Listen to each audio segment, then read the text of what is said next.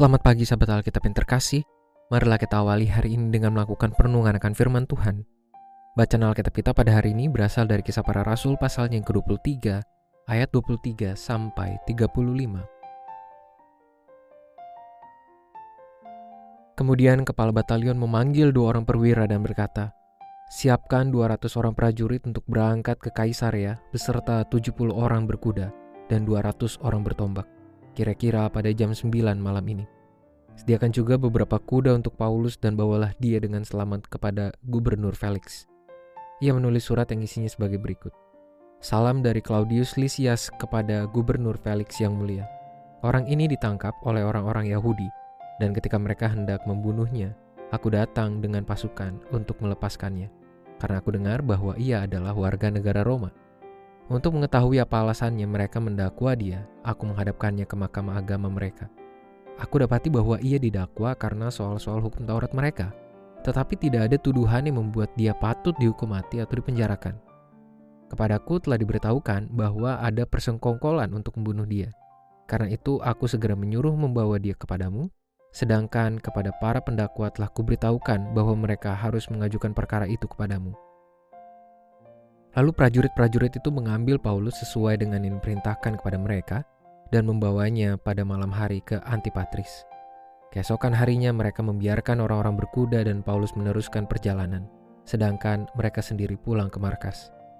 Setibanya di Kaisarea, orang-orang berkuda itu menyampaikan surat itu kepada gubernur serta menyerahkan Paulus kepadanya. Setelah membaca surat itu, gubernur bertanya kepada Paulus dari provinsi mana asalnya. Ketika ia mendengar bahwa Paulus dari Kilikia, ia berkata, Aku akan memeriksa perkaramu bila para pendakwamu juga telah tiba di sini.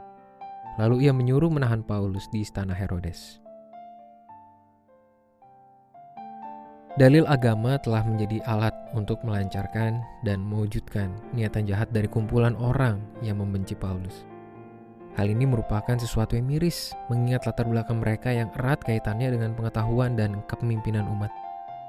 Peran mereka sebagai orang-orang yang dapat menghadirkan dampak baik dan membangun keimanan umat Yahudi pada saat itu justru digunakan secara sembarang dengan memanipulasi hukum maupun paham keagamaan. Tentu saja sikap yang demikian tidak sepatutnya diterima dan dilakukan oleh seorang umat Tuhan yang mengaku mengikat dirinya dalam otoritas Tuhan. Namun inilah salah satu wujud kenyataan yang tidak dapat dialakan, yakni ketika ada sejumlah pihak yang menggunakan segala macam cara untuk melanggengkan niat jahatnya. Bahkan, mereka dengan tidak berat hati menggunakan dasar-dasar keagamaan sebagai jerat untuk menjatuhkan dan membunuh orang lain. Mereka telah dengan tega mendatangkan hal buruk kepada orang lain, meski harus melakukannya dengan menggunakan hubungan keimanan antara manusia dengan Tuhan. Hal semacam ini juga telah menunjukkan kepada kita bahwa hubungan antara seorang umat dengan pengajaran keimanan tidak serta-merta menghadirkan dampak yang konstruktif bagi kehidupannya Hal ini bukan berarti pengajaran keimanan itu adalah buruk, namun semuanya perlu dicermati secara seksama. Secara spesifik, seseorang yang sedang menikmati pengajaran keimanan, menikmati relasi iman dengan Tuhan, perlu memaknainya secara serius dan mendalam dengan ketulusan, agar setiap pemahaman iman yang melekat pada dirinya tidak justru disalahgunakan. Sikap dari kumpulan Yahudi dalam kisah Paulus ini merupakan contoh manusia yang mengaku beriman namun menggunakan pengajaran iman sebagai senjata untuk menciderai orang lain, bukan justru menjadi alat bantu untuk menciptakan kehidupan yang penuh damai sejahtera dalam kebersamaan. Oleh sebab itu, marilah kita maknai relasi iman itu secara mendalam, penuh kesadaran dan kerendahan hati, agar tidak terjebak pada kefasikan maupun kemunafikan. Marilah kita berdoa. Ya Tuhan di dalam kebenaran firman-Mu yang kami terima ini, mampukan kami sebagai manusia yang penuh dengan keterbatasan untuk terus dapat bertumbuh di dalam bimbingan roh kudus-Mu.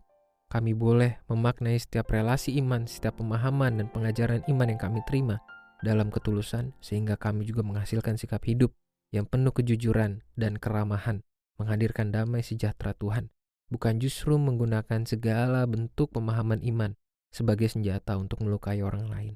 Hanya di dalam nama Tuhan kami Yesus Kristus kami berdoa dan menyerahkan kehidupan kami. Amin.